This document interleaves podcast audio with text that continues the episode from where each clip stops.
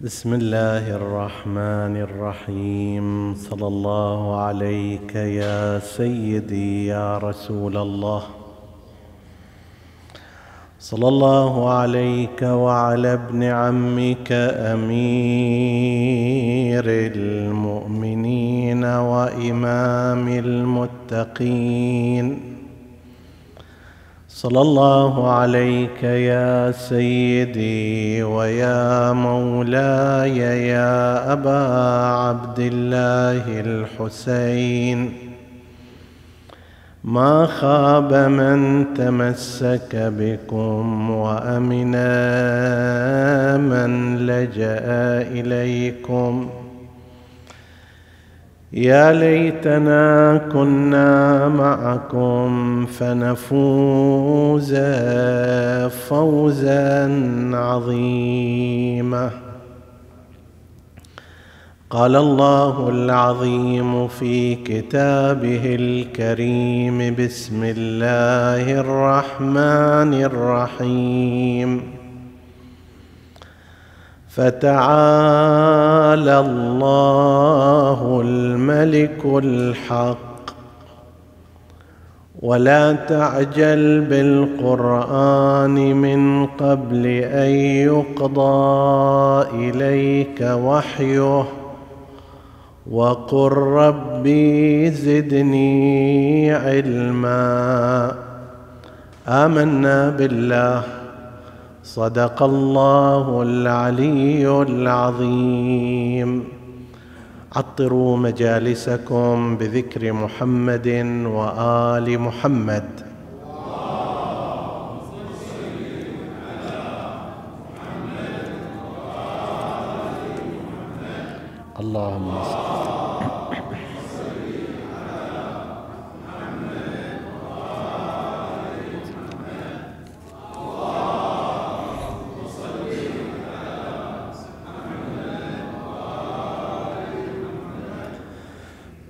حديثنا بإذن الله تعالى يتناول صفحات من تاريخ القرآن المجيد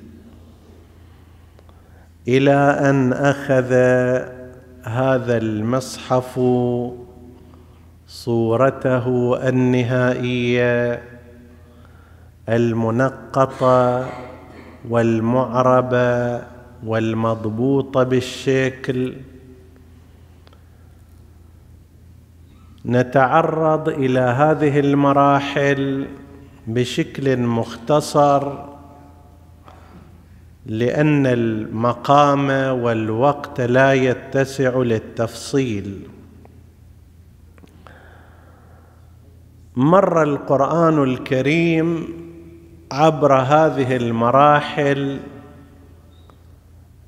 المرحلة الأولى عندما كان القرآن الكريم في اللوح المحفوظ ونزل دفعة واحدة. يطلق بعض الباحثين على هذه المرحلة مرحلة النزول الكلي أو الدفعي القرآن الكريم كان في اللوح المحفوظ بل هو قرآن مجيد في لوح محفوظ. كيف كان في هذا اللوح المحفوظ؟ بأي كيفية؟ نحن لا نعلم شيئا عن ذلك. الذي نعلم بحسب ما ورد في الأخبار وفي الآثار أن هذا القرآن المجيد الذي كان في اللوح المحفوظ نزل دفعة واحدة من ذلك المكان إما إلى قلب رسول الله صلى الله عليه وآله. هذا قول أو إلى السماء الدنيا قول آخر أو إلى بيت العزة في السماء الرابعة قول ثالث. لا شك ولا ريب أنه نزل على قلب رسول الله صلى الله عليه وآله دفعة واحدة ثم نزل نجوما. هذا النزول الأول هو النزول الدفعي. التنزيل الثاني المرحلة الثانية في تاريخ القرآن كانت التنزيل التدريجي. الغرض من التنزيل التدريجي هو إقراؤه للناس واعتماده في البعثة. وقرآنا فرقناه لتقرأه على الناس على مكث. غاية هذا التنزيل بشكل متدرج أن يتفقه به الناس يلتزم به الناس يحفظه الناس. أو في آية أخرى كتاب أحكمت آياته ثم فصلت. وفي الآية التي زينا بها أول المجلس ولا تعجل بالقرآن من قبل أن يقضى إليك وحيه وإن كان هذا موجود في قلبك يا رسول الله إلا أنه المطلوب أن يكون على دفعات على هون. لكي يحقق غاياته. وهذا الأمر إحنا تحدثنا عنه فيما مضى. المرحلة الثالثة هي مرحلة كتابة هذا القرآن الكريم وجمعه وتحدثنا عنها وبينا أن النظرية التي يلتزم بها في مدرسة الخلفاء من أن أول جمع أو أن الجمع الأكبر كان في زمان الخليفة الثالث. هذه النظرية تواجه إشكالات وملاحظات وأن الصحيح ما ذهب إليه الإمامية من أن القرآن الكريم كان يكتب على زمان رسول الله صلى الله عليه وآله وأنه ما ذهب رسول الله عن هذه الدنيا إلا والقرآن مكتوب وزيادة في ذلك فإن عليا عليه السلام بوصية النبي صلى الله عليه وآله أكمل ذلك الجمع والتدوين بعد وفاة رسول الله بأيام. وهذا أيضا تطرقنا إليه وتحدثنا فيه. إذا كان هذا الأمر كما يذهب إليه الاماميه فاذا ما الذي صنع في زمان الخليفة الثالث؟ في رأي الإمامية في رأي مدرسة الخلفاء أن جمع القرآن وكتابة القرآن وتدوين القرآن كان في هذا الزمان زمان الخليفة عثمان. إذا نظرية الإمامية أنه لم يحصل هذا فماذا حصل؟ هل ماكو شيء أصلا؟ لو لا كان هناك شيء آخر. هذا الشيء الآخر ما هو؟ هل ما يذهب إليه تذهب إليه النظرية الرسمية أو لا؟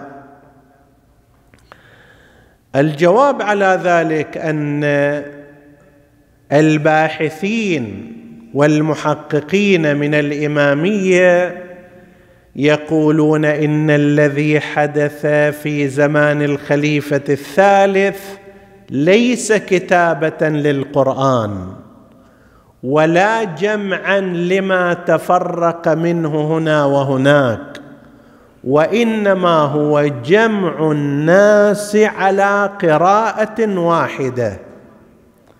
فتبدأ القضية بتوحيد النسخ نسخة واحدة لازم تقرأ في كل مكان. في المساجد أيضا أئمة الجماعات لازم يقرؤون هذه القراءة. وهكذا بالتدريج يلزم الناس بقراءة واحدة للقرآن الكريم. وهذا يختلف عن جمع القرآن. جمع القرآن الكريم بمعنى أن القرآن كان موزعا مفرقا غير مكتوب كل واحد من الأصحاب كان عنده فد قسم كل واحد كان حافظ فرد مقدار. نسخة كاملة موحدة مضبوطة ما موجود. فيأتي الأمر بتجميع هذا وتشكيل نسخة واحدة لشيء لم يكن مجموعا. هذه فكرة جمع القرآن. هذه بحسب نظر الباحثين الإماميين لم تحصل في زمان الخليفة الثالث. وإنما كان القرآن مكتوبا في زمان رسول الله وكان في دار رسول الله نسخة من القرآن وعند الصحابة الكبار وخصوصا من كتاب الوحي كان لديهم نسخهم الخاصة. كان مصحف عبد الله بن مسعود معروف ومصحف أبي بن كعب معروف ومصحف المقداد معروف وأبو الدرداء الانصاري معروف وعلى هذا المعدل. الذي حصل إنما هو قرار من قبل الخلافة بأنه لا بد أن يلتزم المسلمون بقراءة واحدة لا تتعدد القراءات ولا تتنوع القراءات. وهذا أمر لا بأس به ليس فيه مشكلة.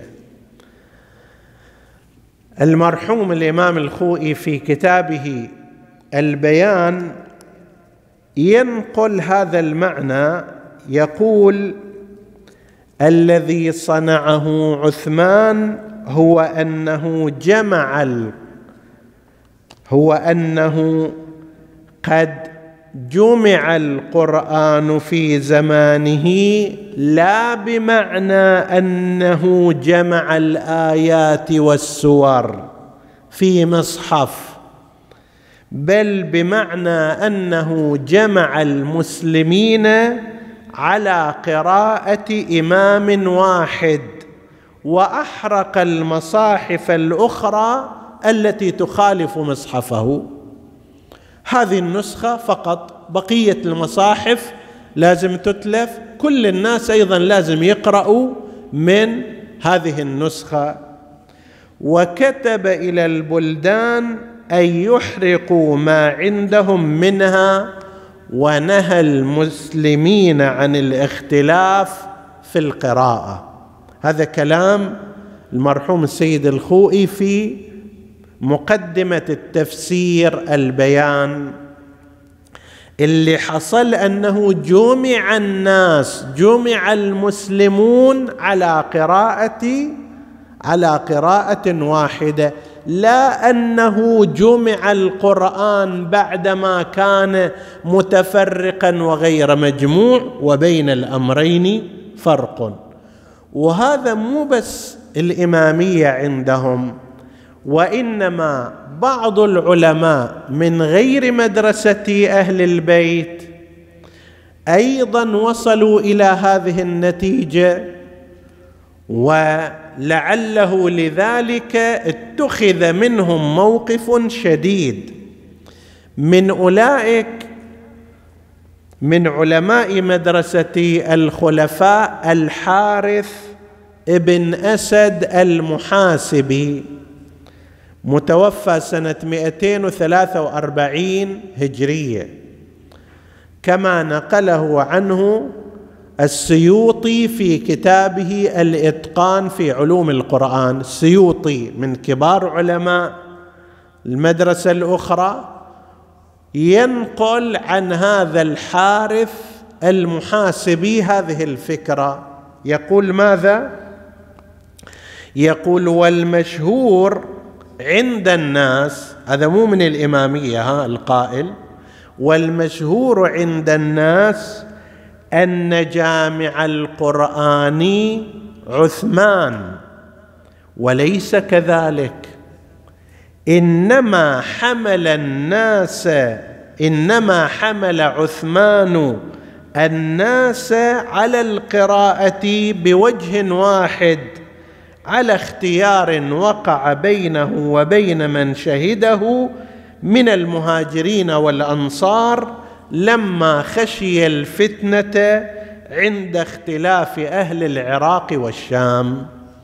فيقول ولو المشهور عند الناس أن جامع القرآن هو عثمان لكن هذا في رأيه ليس صحيحا. الصحيح اذا ما هو يا أيها المحاسبي قال أنه جمعهم على قراءة واحدة. طيب وهذا يختلف عن جمع القرآن. طبعا لهذا السبب ولغيره من الأسباب آه، هذا الرجل بدع. يعني لما ترجع إلى ترجمته تجد أن كلامهم في شأنه شديد.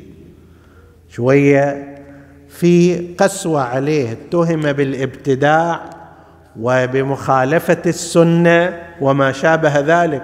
وبالفعل إذا مثل هالأفكار عنده أمره صعب أن يتحمل في مدرسة الخلفاء. لأنه إذا كان الخليفة الثالث الرأي المشهور في هذه المدرسة أن له الفضل على القرآن وله الفضل على الإسلام وفي حفظ القرآن وكذا. فيجي واحد يقول لا ليس الأمر هكذا. قرآن كان مجموع من قبل وكان مكتوب من قبل وإنما جمع الناس في زمانه على قراءة معينة. قرار اقرأوا بهذه الطريقة وبهذه النسخة. لذلك اتهم بالابتداع. فإذا صار عندنا المرحلة الرابعة من تاريخ القرآن أنه في زمان الخليفة الثالث تم جمع الناس على قراءة واحدة وعلى نسخة واحدة وأغفلت بقية النسخ بل أحرقت بقرار رسمي من قبل الدولة آنئذ. هنا يأتي كلام وهو أن بعض الباحثين من الإمامية لا يستبعد أن يكون حذيفة ابن اليمان العنسي وهو صاحب الفكرة التي جاء بها إلى الخليفة الثالث. حذيفة ابن اليمان معروف ولا أهل أهل البيت قوي ومعروف ولا أهل أمير المؤمنين عليه السلام قوي ومحسوب من شيعة علي عند التصنيف بين الصحابة. حذيفة يصنف على شيعة علي بن أبي طالب. طيب وتحدثنا إحنا في هذا المسجد الشريف سنة من السنوات عن أصحاب رسول الله الذين بقوا أوفياء لعلي بن أبي طالب ولأهل البيت بعنوان أصحاب النبي والذين معه وتحدثنا أيضا في ليلة من الليالي عن خصوص حذيفة ابن اليمان العنسي. هذا محسوب على شيعة أهل البيت عليهم السلام. نعم كان ايجابيا في التعاطي مع الخلافة القائمة. وهذا لم يكن بعيدا عن رأي أمير المؤمنين عليه السلام. عدد من أصحاب أمير المؤمنين كعمار بن ياسر وغيره وحذيفة وأشخاص خالد بن سعيد بن العاص أشخاص متعددون من أصحاب الإمام وممن كانوا محسوبين عليه تفاعلوا ايجابيا مع الخلافة لم يعارضوا لم يقاطعوا مع اعتقادهم بأولوية علي وأحقيته في في الخلافة إلا أنهم قادوا الجيوش سلمان الفارسي تولى ولايات ذهب إلى معارك حذيفة قاد قاد جيوش عمار بن ياسر صار والي على الكوفة لفترة من الزمان وهكذا. فحذيفة يحتمل بعض الباحثين من الإمامية بأن حذيفة لما جاء بفكرة أن الناس مختلفين الجيش اللي عنده تحدثنا إحنا في ليلتها أن الجيش اللي عنده لما كانوا من العراق والشام والمدينة فلهم قراءات مختلفة للقرآن وبعضهم يخطئ بعضا والحاجة تلح على وضع نسخة واحدة وقراءة واحدة حتى لا يختلفون أكثر. بعض الباحثين يقول لا يستبعد أن يكون حذيفة قد أخذ نسخة أمير المؤمنين عليه السلام التي كتبها بيده وهي التي اعتمدت من قبل الخلافة مع تغيير في ترتيبها وإعادة كتابة عدة نسخ منها. ذكرنا في وقت مضى أن هناك اختلاف في الترتيب وهذا اللي حصل في زمان الخليفة عثمان. أن القرآن بعدما كان مرتبا على أساس النزول التاريخي للسور المباركة كما تحدثنا في ليلة مضت صار الآن رأي عند الخلافة أن ترتب القرآن على أساس العدد الكمي للآيات. فصار أول شيء السور الطوال ثم السور المئين السور المئون اللي مية وحواليها ثم السور القصار.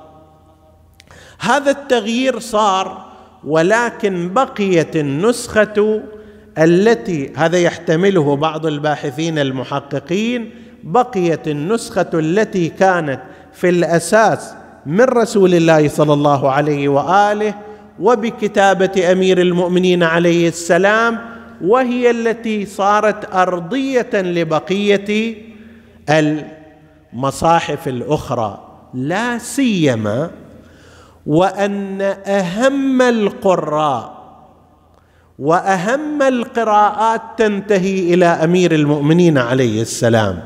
لاحظوا الآن القراءة المشهوره في المشرق الإسلامي كله. إلى الآن هي قراءة حفص عن عاصم. حتى مكتوبة الآن لاحظوا المصاحف الموجودة وهي قراءة حفص عن عاصم. شنو هذه قراءة حفص عن عاصم؟ هي قراءة علي بن أبي طالب. لأن حفص من أصحاب الإمام الصادق عليه السلام عاصم ابن أبي النجود من أصحاب الإمام الباقر عليه السلام وأدرك الإمام زين العابدين سلام الله عليه وأخذ حفص القراءة عن عاصم عاصم أخذها عن أبي عبد الرحمن السلمي.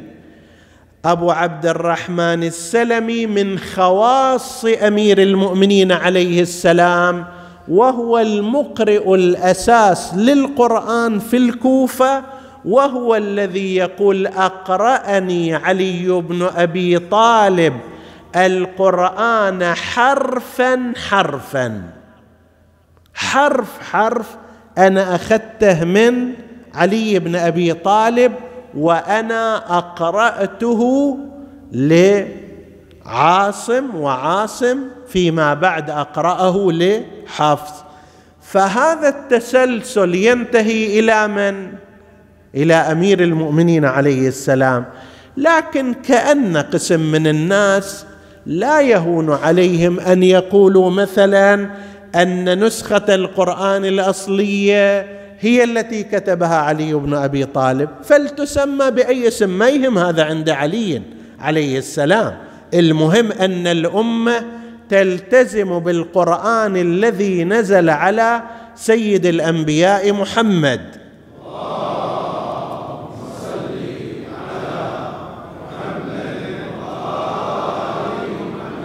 مو مهم أن يقال هذه قراءة حفص عن عاصم. ليش ما يقال هذه قراءة علي بن أبي طالب اللي هو الأستاذ الأصلي لهم؟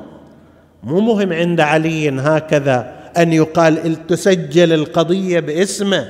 المهم أن يقرأ الناس قراءة صحيحة. ولو يقال قراءة حفص ولو يقال قراءة فلان أو فلان. مو مهم هذا. طيب؟ تجي إلى قراءات أخر. قراءة حمزة الزيات هذول أربعة من القراء بل وقيل سبع ستة من سبعة من أهم القراء عند المسلمين.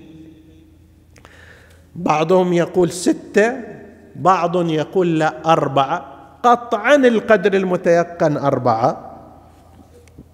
حمزة الزيات قارئ آخر تنتهي إليه قراءة القرآن من تلامذة وخواص الإمام الصادق عليه السلام. هو يقول أنا أخذت القراءة عن جعفر بن محمد وجعفر أخذها عن أبيه محمد بن علي ومحمد بن علي أخذها عن أبيه علي علي السجاد وعلي السجاد عن الحسين والحسين عن أبيه أمير المؤمنين سلام الله عليه.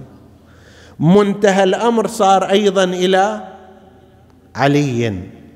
الكسائي أيضا قارئ مشهور آخر من المعترف بهم وهو تلميذ حمزة أيضا بنفس الترتيب. هؤلاء جميعا وغيرهم قرأوا بالنتيجة على أمير المؤمنين سلام الله عليه وينبغي أن تنسب هذه إلى إمامنا أمير المؤمنين سلام الله عليه. بل حتى سائر القراء أيضا مثل أبي العلاء أخذ القراءة عن يحيى بن يعمر العدواني. يحيى بن يعمر أخذها عن أبي الأسود الدؤلي. أبو الأسود الدؤلي التلميذ المقرب لأمير المؤمنين. سلام الله عليه. فهذا الكلام على مستوى النسخة بناء على رأي هذا الباحث و بالاتفاق بناء على القراء والقراءات المشهورة تنتهي إلى أمير المؤمنين. سلام الله عليه. هي المرحلة الرابعة من القرآن الكريم. يحتمل فيها بعض الباحثين أن النسخة التي تم اعتمادها بعد تغيير ترتيبها من ترتيب نزول التاريخي إلى ترتيب العدد الكمي للآيات لكن أصل المتن والآيات كانت هي الموجودة في نسخة في النسخة التي كتبها أمير المؤمنين عليه السلام.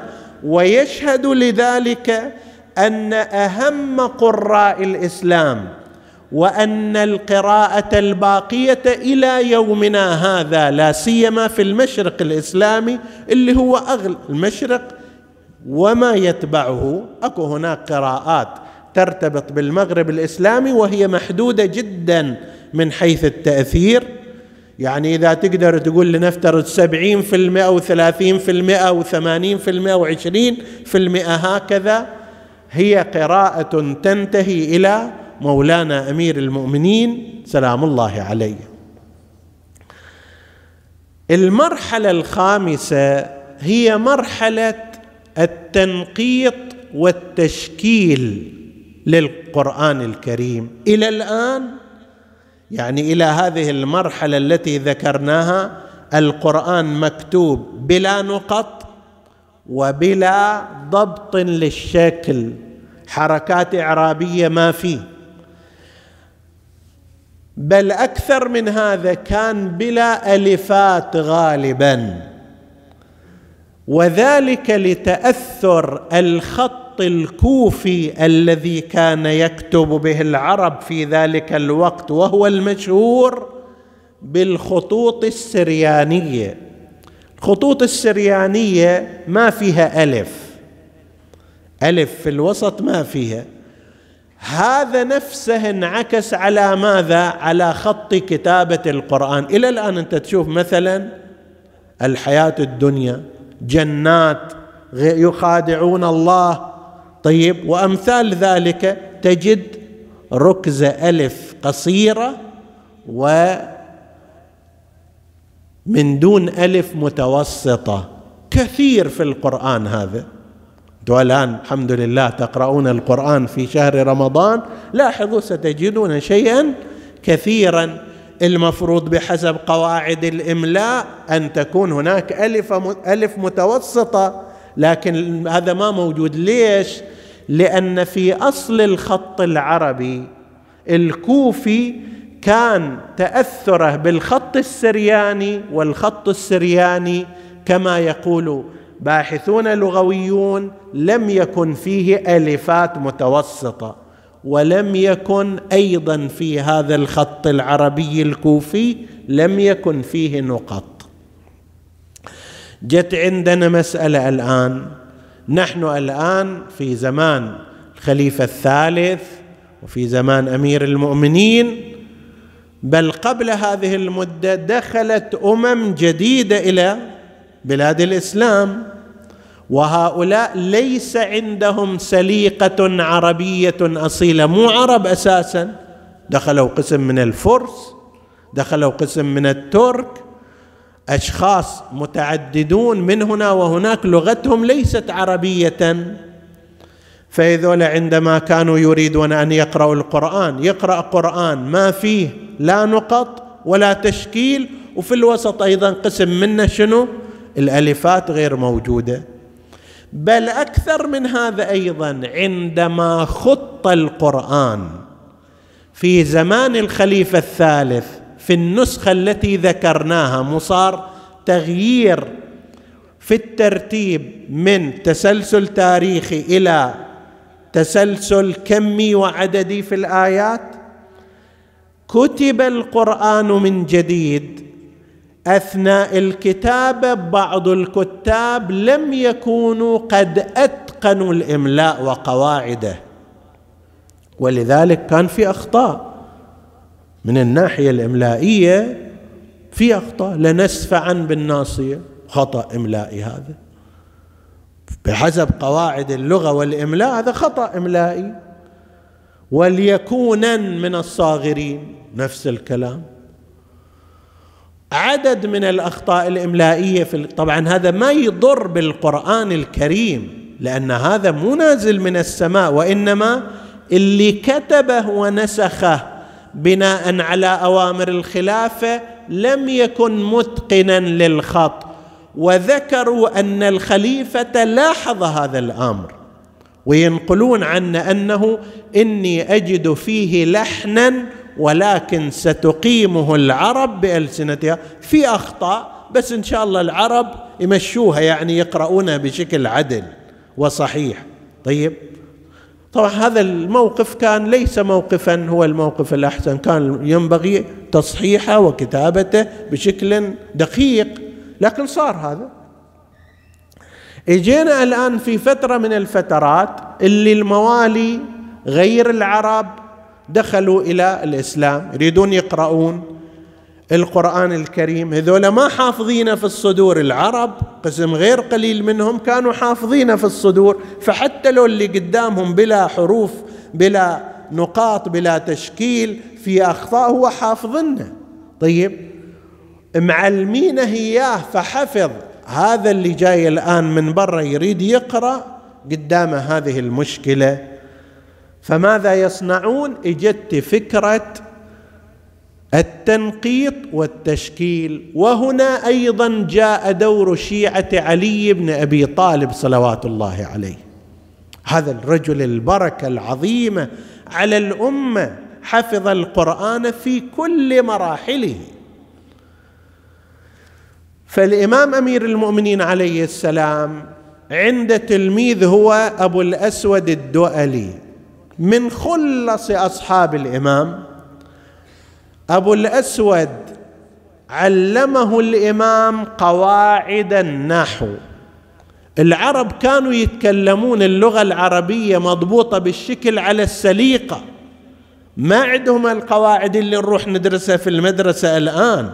تعال الفاعل مرفوع والمفعول به منصوب وتعال قدم امتحان ولن وش تسوي ولم وش تسوي. طيب. فكانوا على السليقة يقولون كلاما فصيحا وينشئون أشعارا جميلة من دون قواعد. الإمام أمير المؤمنين علم أبا الأسود قواعد النحو وقال له انح هذا النحو. ومنا كأبو الأسود انطلق أخذ خطوط عامة من الإمام ووضع قواعد النحو. هذه راح تصير فرصة لماذا؟ لقضية التشكيل فيما بعد وضبط الحركات على كلمات القرآن الكريم. وأيضا قضية التنقيط. جاب اثنين من تلامذته. أبو الأسود الدؤلي جاب اثنين من تلامذته. أهمهما يحيى ابن يعمر العدواني. توفي سنة تسعين هجرية. كان ذاك الوقت زمان الحجاج.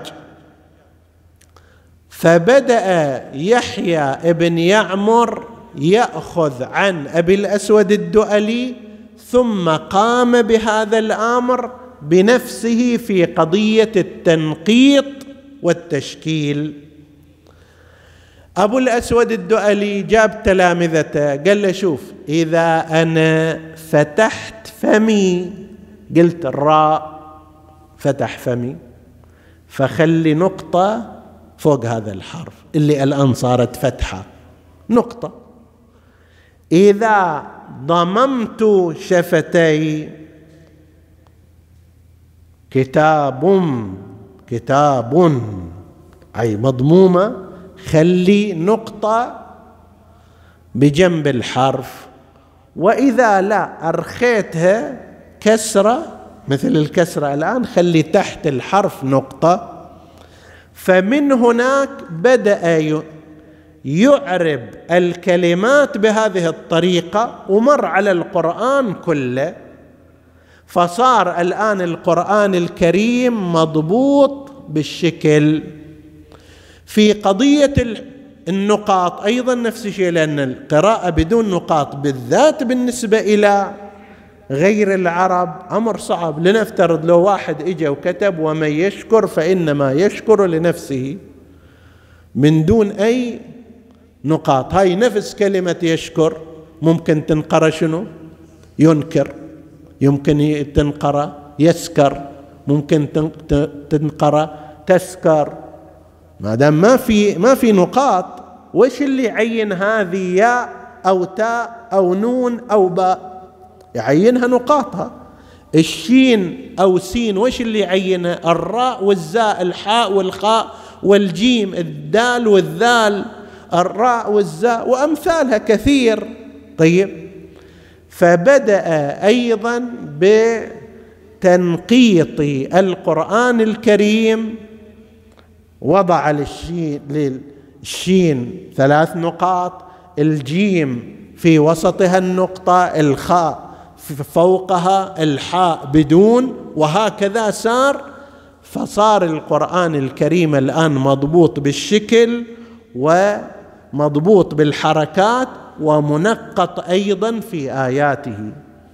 بطل هذه من؟ أبو الأسود الدؤلي تلميذ علي. أكمل المهمه من؟ يحيى بن يعمر العدواني. الغريب أن بعض الكتاب قلت هذا علي بن أبي طالب سلام الله عليه ظلمه التاريخ كثيرا.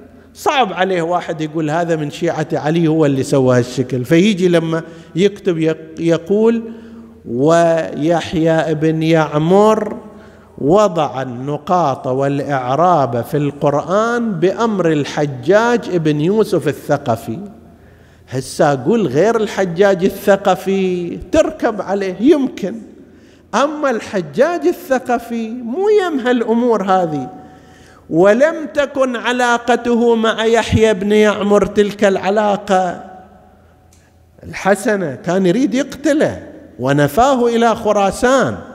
قضية مفصلة ما عندنا فرصة نقولها مختصرها. الشعبي يقول أنه دخلت على الحجاج يوم من الأيام فقال لي أنا اليوم أريد أضحي بواحد. شوية وإذا جابوا يحيى بن يعمر العدواني رجل شيخ كبير في السن. جابوه. قال له الحجاج بلغني أنك تقول أن الحسن والحسين ابنا رسول الله. قال له نعم. طبعا يحيى بن يعمر ورد اسمه في ذكر النصوص على الأئمة المعصومين عليهم السلام كما أورد ذلك الخزاز القمي في كتابه كفاية الأثر. من رواة النص على المعصومين بعد يكفي في تشيعه. فيقول جابوه الحجاج قال له شوف انت الآن تقول هم أولاد أبناء رسول الله صلى الله ذرية رسول الله هم مو هالشكل هم أولاد علي بن أبي طالب ذرية علي بن أبي طالب جيبهم لرسول الله. فإن جئت بها من القرآن آية صريحة هذه عشرة آلاف درهم إليك. وإلا قطعت عنقك. بس لا تجيب لي آية وأبناءنا وأبناءكم ها؟ إذا أنت تريد آية من القرآن وتتشرط بعد فوقها؟ زين. ناقل الرواية يقول أنا لما قال هالشكل بديت أتصبب عرق. قلت راح الرجال. ما يريد أيضا هذه الآية وهذه الآية صريحة. يقول يحيى أيضا حافظ للقرآن شوية قال اقرأ. فبدأ يقرأ من ذرية إبراهيم. منه بدأ يعدد. يعقوب إسحاق فلان فلان فلان إلى أن وصل وعيسى ويحيى. قال عيسى من وين صار من ذرية إبراهيم؟ وهو ما عنده أب أصلا. أليس من طرف أمه؟ قل الحجاج نكس رأسه وبدأ يفكر. فقال له يحيى بين إبراهيم وبين عيسى آلاف السنين ومع ذلك نسبه الله إلى إبراهيم من طرف أمه. ورسول الله ما بينه وبين الحسنين إلا فاطمة الزهراء أنت تأبى أن ينسب إلى رسول الله صلى الله عليه وآله. شاف الجواب قوي يقول أخذ صرة فيها عشرة آلاف درهم ورمى بها في وجهه وقال خذها لا بارك الله لك فيها. طيب هذا من هالنوع يعني رجل اللي كان يريد أن يورطه لكي يقتله. كيف يهتم بقضية القرآن وتعال أضبط بالشكل. وآخر الأمر نفاه إلى خراسان. قال ما أريدك تقعد وياي في العراق. أطلع برا إلى خراسان. زين. هذا يحيى تلميذ أبي الأسود تحت إشرافه. راوية قراءته تلميذه في النحو. طيب. أخذ عنه قراءة القرآن أخذ عنه النحو أكمل مسيرته. وفي المرحلة الثالثة والأخيرة جاء الخليل الفراهيدي. خليل ابن أحمد الفراهيدي مؤسس علم العروض ميزان الشعر. العرب كانت تقول الشعر على السليقة والبديهة ماكو ميزان إليه يقول هذا. شعر موزون أو ما موزون الخليل الفراهيدي جاء وابتكر علم العروض. كان في زمان الإمام الكاظم عليه السلام ومعروف شدة إعجابه بأمير المؤمنين عليه السلام وحديث مفصل يحتاج إلى لكن ما نتعرض إلى أجيب لك موقف فقط. قال له جماعة أنت أشوف تفضل علي بن أبي طالب على كل أصحاب رسول الله. وفيهم من جاهد وفيهم من هو أكبر منه سنا وفيهم وفيهم. فما الذي يدعوك إلى تفضيله؟ ليش أنت تفضل عليهم كلهم؟ فقال على البديهة باسترسال قال احتياج الكل إليه في الكل دل على أنه سيد الكل في الكل. الله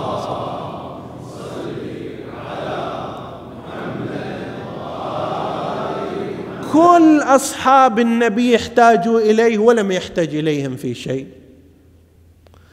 ما قالوا لولا فلان لهلك علي وإنما قالوا بالعكس. ما عجزوا في مس ما عجز في مسألة وراح أخذها من عندهم وإنما بالعكس.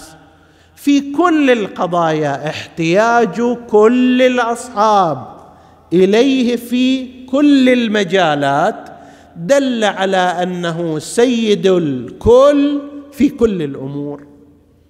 هذا الخليل الفراهيدي تمم ما بدأه أمير المؤمنين من كتابة القرآن ضبطا ونصا ومن قيام تلامذته كأبي الأسود ويحيى ابن يعمر وعاصم أكمل ذلك الخليل الفراهيدي. صار عندنا الآن مو هذا أبو الأسود ويحيى سووا نقاط كدليل على الإعراب ونقاط أيضا للتشكيل فاختلطت شنو؟ النقاط. لنفترض مثلا يشكر خلى للشين ثلاث نقاط. الكاف تحتاج إليها نقطة إلى جانبها. الياء كعلامة تحتاج إليها نقطة فوقها. قال إذا فتحت فمي فضع نقطة فوق الحرف فصار عندنا نقطة الصوب. ونقطة وثلاث نقاط للشين ونقطة ذاك الصوب زاحمت النقاط. وقس على هذا باقي الأمور فإجا الخليل الفراهيدي وغير الاتجاه. أبقى النقاط كما هي وابتكر فكرة الفتحة والضمة والكسرة والسكون. وهذا اللي الآن استقر عليه شنو؟ القرآن المجيد. النص لأمير المؤمنين عليه السلام كما يرى هذا الباحث والتشكيل والتنقيط لتلامذته وهذا اللي موجود الآن بين يدينا والقراءة الرسمية في العالم الإسلامي هي قراءة وصي محمد.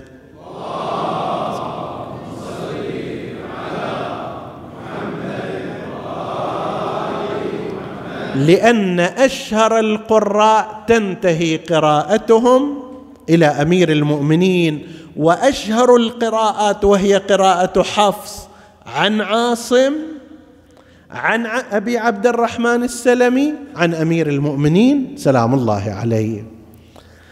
فما أعظم منة الله فما أعظم منة الله على هذه الأمة بهذا القرآن وبهذه العتره التي سيدها أمير المؤمنين سلام الله عليه ثبتنا الله وإياكم على ولايتهم ورزقنا اتباعهم وشفاعتهم يوم القيامة إنه على كل شيء قدير الحديث في طول ولكن الوقت تصرم وهذه ليلة جمعة نسأل الله سبحانه وتعالى أن يتقبل فيها أعمالنا وأعمال المؤمنين وأن يتغمد الماضين برحمته من هذا الجمع من آباء السامعين من مؤسس المسجد من مؤسس هذا المجلس. نسأل الله لهم جميعا ولآبائنا وأمهاتنا المغفرة والرحمة وأن يرسل عليهم من هذا المكان ثوابا واجرا ومغفرة. إنه على كل شيء قدير. ليلة جمعة هي ليلة الإمام الحجة عجل الله تعالى فرجه الشريف. لأن يومها يوم الجمعة هذا يوم الجمعة وهو يومك المتوقع فيه ظهورك والفرج على يديك. نسأل الله أن يعجل في فرجه وأن ينقذ الأمة ببركته. وهي أيضا ليلة زيارة أبي عبد الله الحسين صلوات الله وسلامه عليه. هذان الإمامان الإمام المهدي محل استنهاض والإمام الحسين عليه السلام محل توسل واستشفاع.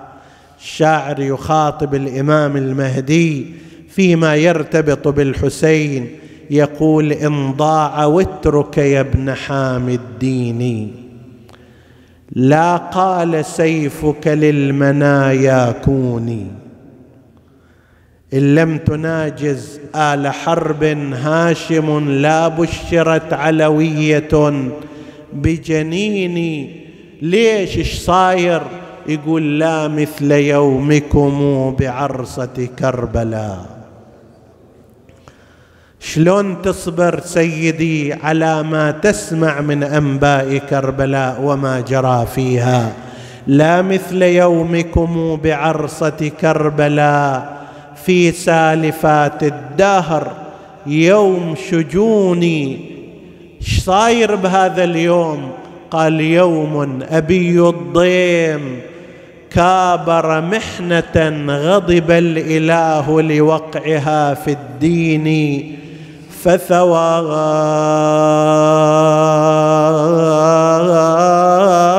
بضاحيه الهجير ضريبة تحت السيوف لحدها المسنون. سلبته أطراف الأسنة مهجة. تفدى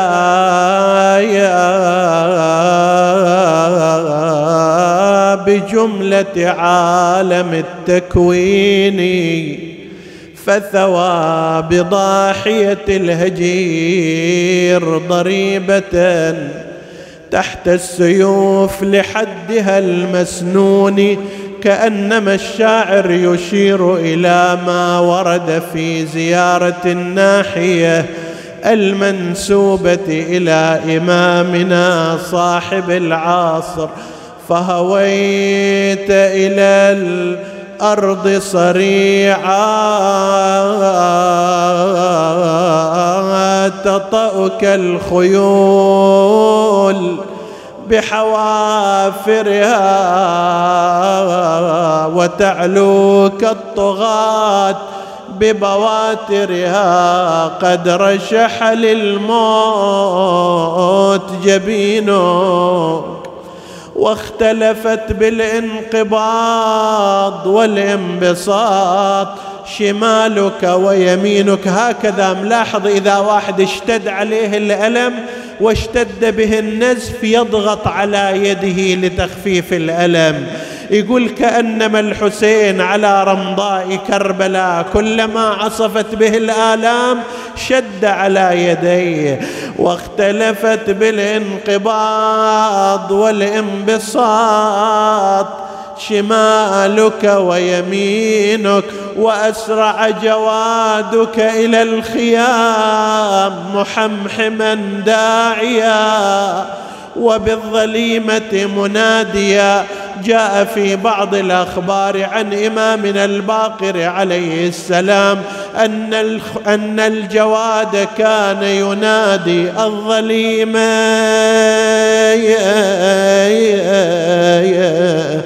الظليمه من أمة قتلت ابن بنت نبيها عطشانا. فلما رأينا النساء جوادك مخزيا ونظرنا السرج عليه ملويا خرجنا من الخدور. على الخدود لاطمات وبالعويل داعيات وبعد العز مذللات هاي اللي ما كان ظلها ينشاف وإذا بها تهيم في الصحراء. إن يوم الحسين أذل عزيزنا. وبعد العز مذللات وإلى مصرعك مبادرات فرأينا الشمر جالسا على صدر الحسين. قابضا بيده على شيبته. يا خايب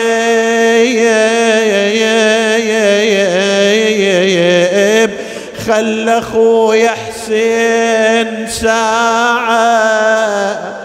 أغمض له ومد للموت. باع ما هي شمامة الحلوة. طباع دخل براح روح حسين تضاير والشمر مشتغلون. في ذبحه عجلوا والسبط منجدل. يدعو ويبتهل.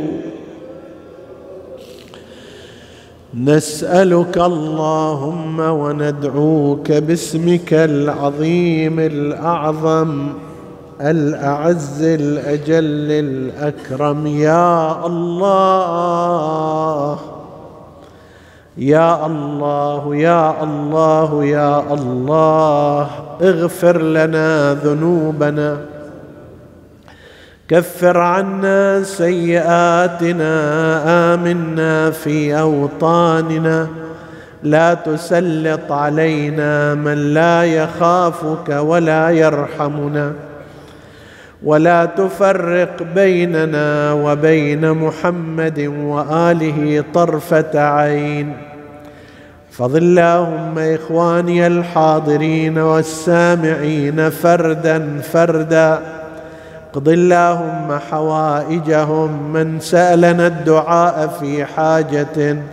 اللهم اقضها يا قاضي الحاجات. وتقبل اللهم عمل المؤسسين بأحسن القبول إلى أرواح موتاهم وموتى السامعين. نهدي ثواب الفاتحة تسبقها الصلوات.